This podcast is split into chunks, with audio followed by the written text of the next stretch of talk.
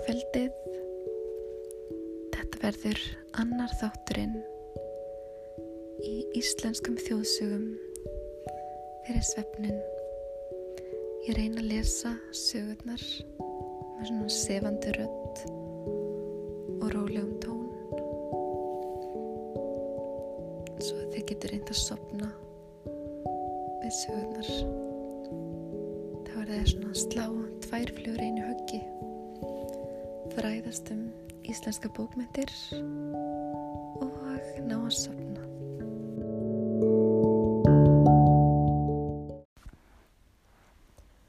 Huldu konu hemdin Innan í norðferði bjó ekki einn. Er ketilrýður hétt. Hún var mesti búforkur og aðdorkukona en nokkuð þóttu hún einþygg og hltjætt í lund. Ketilíður þessi átti sonit sæmundanafni.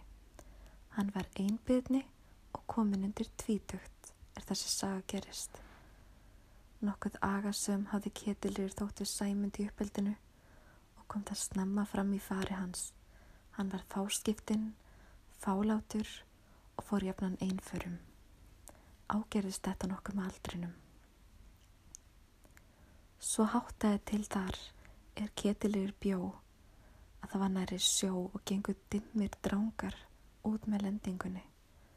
Var það mál manna að huldu fólk byggi í draugum þessum og var það ekki fjari ketilið sjálfri að festa trúnað á það. Nú laði sæmundur einmitt tíðast leið sína niður að draungunum og sáu menn það til hans að hann var ofta klifrað þar í klættum en ofan í draungunum var skáli í hamrana og þegar þar var komin hvarf maður sjónum. Því klettabógi lukti fyrir landmegin. Þessi skál var uppáhalds áfangastæðar sæmundar. Þar dvaldi hann laungum stundum, dagilanga stundir og ágerðist það svo að heita mátti að hann hefði alltaf annan fótinn niður í dröngunum. Ketilíði hugnaði slít þegar hún leið þetta atverðli og eitt góðan veðdag tók hún són sín á eindal og gekk fast á hann. Bað hann að segja sér hvað hann hafði þarna öllum stundum. Sæmundur sagði fátt en lið sem sér þætti skemmtilegt að sitja upp í skálinni. Sæti hann þar ímist í eigin hugleðingum eða hann væri að dundi eitthvað í höndunum til dæmis að tálka spýtu eða hann sæti aðgerðalauðs og horfið út á fjörðin.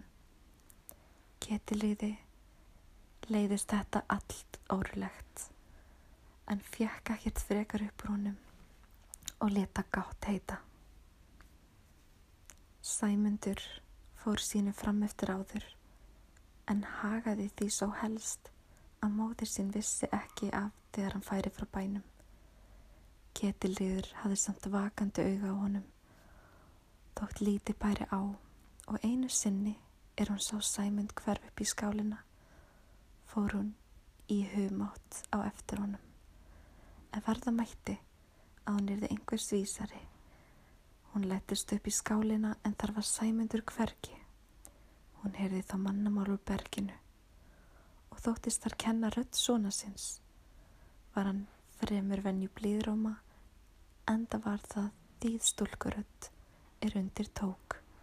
Ekki heyrði ketilegur orðarskil en það þótti henni nú tekin öll tvímili um aðtafi sæmundar.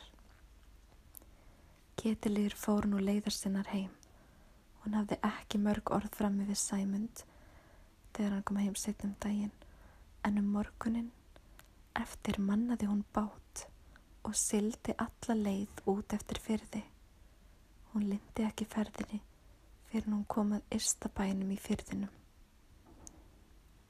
Þar bjó röskur maður og velmegandi er Björn hétt og hann átti eina dóttur barna, Helguðanabni.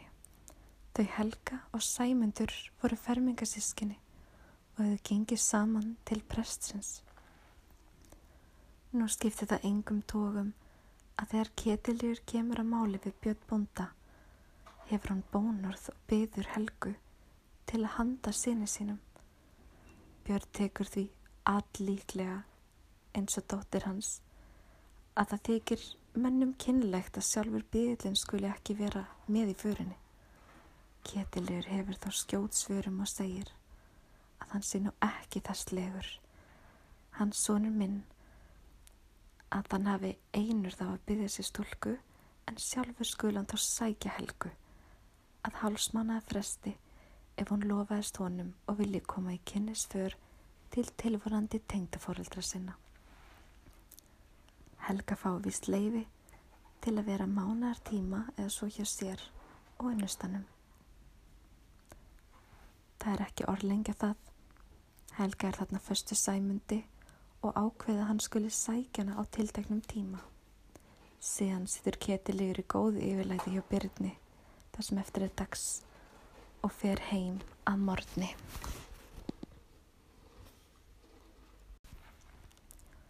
Þegar heim er komið tekur hún enn són sinn á eintal og segir honum með ljósasta ferðum sínum Honum fellir þá allur kjötill í eld og gengst nú við því að hann sé í þingum við höldum mei niður í dröngunum og þannig við lofað að eiga hana. Hann vilja ekki fyrir nokkur mun missa hana og geti því ekki lofast helgu. Ketilliður segir að lofar sín og veitt sig hafi lengi gruna þennan eins og hann tiltekur. Hún les nú yfir honum ófögur orð en líkur svo ræður sinni að eins og hann þekki þá verði hann við að standa er hann hafi gert fyrir hans hönd hún hafi gert hann um þetta góðs eins og hann eigin og að sækja helgu að halvu mánu um liðnum svo slíta þau talinu. Sæmyndi tekið nú súrt brotið á sér. Að hann muni verða að láta síga undan ofiríki móðu sinnar og eitthvað kynni þó heldur að verða undanfærið síðar, hyggur hann ef hann sækir stúlkuna orðalöst og látir sem líklegast. Nánar gætur voru hafður á því að sæmundur kæmist ekki einsamall niður á dröngunum eftir það. Nú kemur sá dagur að sæmundur á að sækja helgu, ketilriður mannar út bát og segir formanni að hann skuli reyna að sæta góðu veðri heim aftur og fara ekki af stað fyrir en setna um dagspill svo það nái vel þeim í björtu. Hún byður hann að munast í vel þetta og hann lofar því. Stíðan hveður hún svon sinn og er það vennu fremur blíð í bragði og klöknar við hveðjurnar. Leggja þeir nú af stað að heimann, verða vel reyðfara og lenda heil og höldni hjá byrni um kvöldið. Þar fáir góðan greiða og dvelja þar til morguns. Á morgni verður gott veður og stilt og higgja menn vel til ferðarinnar, en helga verður síðbúinn og líður svo fram að hátegi að hún er ekki tilbúinn. Formanni koma þá til hugur orð ketilriðar og er nú að báðum áttum hvort hann eigi að leggja stað. En það rýður bakkamunnin að veðrið var alveg upp gott og um morgunin og á hinbóin áleitan þetta óþarfa varúð frá ketilriði að því að illt var að lenda í drángana í dimmu. Lest eftir hátegi er Helga albúin, svo að formaður leggur af stað með hana og sæmund. Segir ekki að ferðum þeirra nema það fer að blása lítið eitt á móti. Senkaði það ekki allítið förni, svo auðsætt var að síðland myndi verða. Þá heldur formaður áfram örugur. Nú snýr sögunni heima bæin. Það var farið að dimma og ekkert sást til bátsins. Þó þótti ekki alveg útséðum að þann kæmi. Vegna þess að hann var á móti þeim og hversti heldur er kvöldi leið. En þegar þeir voru enn ókomnir um náttmóta leitið og niða myrkur orðið, þá taldi ketilir það alveg frá að þeir hefði farið um stað morgunin og skipaði hún hjúum sínum að ganga til sveppn. Sjálf fór hún inn í svepplofti sitt og hátaði. Ekki gatt hún sopnað, en á hana sé óviðkunnalegur höfgi.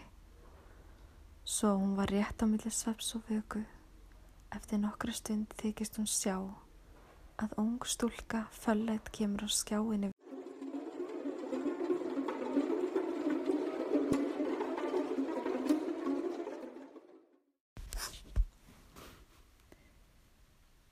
Ketilríði verður svo við þetta að henni finnst eins og henni sé neft í fjötra. Hún getur kvorki hrært leggni lið og langar þó til að fara fætur en ekki er um það að tala. Ögnar á stólkunar kvílir á henni eins og einhvert heljarfark sem hún getur ekki farið undan. Þegar stúlkan hefur hort á ketilriðin okkra stund þá mærir hún vísu af munni fram, dræmt og raunlega. Hér í vörum heyrist báru snari. Höld ber kaldan, öldu vald á faldi. Sveltupiltar, söldum veltast piltum. Á sólarbóli, róla í njólu gnjólu. Öflugir tefla, aflvið skeplu refla. Sem að þeim voga, boga, toga, soga. En sumir geima, svíma í draumarúmi. Sofa, ofur dofa í stofu kofa. Þegar stúlkan hafi farið með þessa vísu, hvarf hún af klukkanum og þá gætt ketilíur loksins rísi á fætur. Þóttist hún að vísunni fara nærri um hvað hún væri að vera. Hún flegði sér í fötinn í dauðan sofbóði, kallaði á pilt sem var heima fyrir og sagði hann um að klæða sig hið snarasta og koma niður á sjó. Sjálf fór hún út í mesta flíti og það var komið aftaka veður. Þegar hún kom niður á sjónum fann hún bát sinn brotin í spóin í malarkampinum og rétt hjá inn undir dránganum kom hún auga á hrúku einhverja. Það var Helga, er sat á hækjum sínum í fjöruborðinu. Hún var orðin vitskert en fyrir framann hana lág sæmundur rótaður með heilan úti. Ekkert sást til hinnamannana. Pilturinn er ketilegur hafi vakið var komið niður og eftir. Skipaði hún honum að bera helgu heim en sjálf tók hún lík sæmundar í fóngsir og barhandi bæjar. Ketilriði gömlu fjálst svo mikið um þetta að hún lagðist í rekju og reys aldrei úr henni síðan. Skömmi fyrir andlátt Sitt sagði hún frá því sem fyrir hana hafði borið þá um kvöldið áður en greint. Einni sagði hún frá því að áður en hún sendi Sæmun til að sækja Helgu hafði sér drimt konum miklað vexti. Er sagðist vera huldu konar dröngunum. Hún ætti dóttur þá er Sæmundur hefði lofast en ketilriður ætlaði að fá hana til að svíkja. Og því væri hún komin til að segja henni að það skildi aldrei lánast eða ella kosta líf sæmundar út af þessum hótunum hvað sketiliður hafa lagt svo ríkt á við formannin að gæta vel veðurs og fara árlega af stað. En þetta hafi nú brugðist og farið sem sagan fór. Huldukonan hafi sendt dóttir sína til varna, sér vöku og komið veg fyrir að sæmyndi erði bjargað. Þannig sagði Ketilríður frá. Hún dó upp úr þessu en þegar frá leið fór Helgan á vitinu og sagði frá því síður á æfinni hvernig báturinn fórst. Þau hafðu haft hann á móti allan daginn og svo hafði hann rókið á um kvöldið en þau nálguðust land en formarinn vildi ekki láta þess ófrista að lenda. Þegar þau komu undir drángana sáðu þau hver kona háa mikil vexti, stóð upp á klettinum. Hafði þá þau áhrif á formannin að hann ærðist og stökk frá stjórn. Hvað Helga komi þess að hafi þulið einhverjar bölbænir yfir þeim og sérstaklega beint þeim að sæmundi sér. En í því bíli hafa hún mist rænun og ekki vita á sér framar.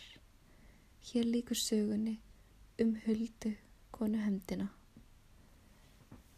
Þetta er mjög áhugavert og Ég finnst þetta ekkert ólíklegt.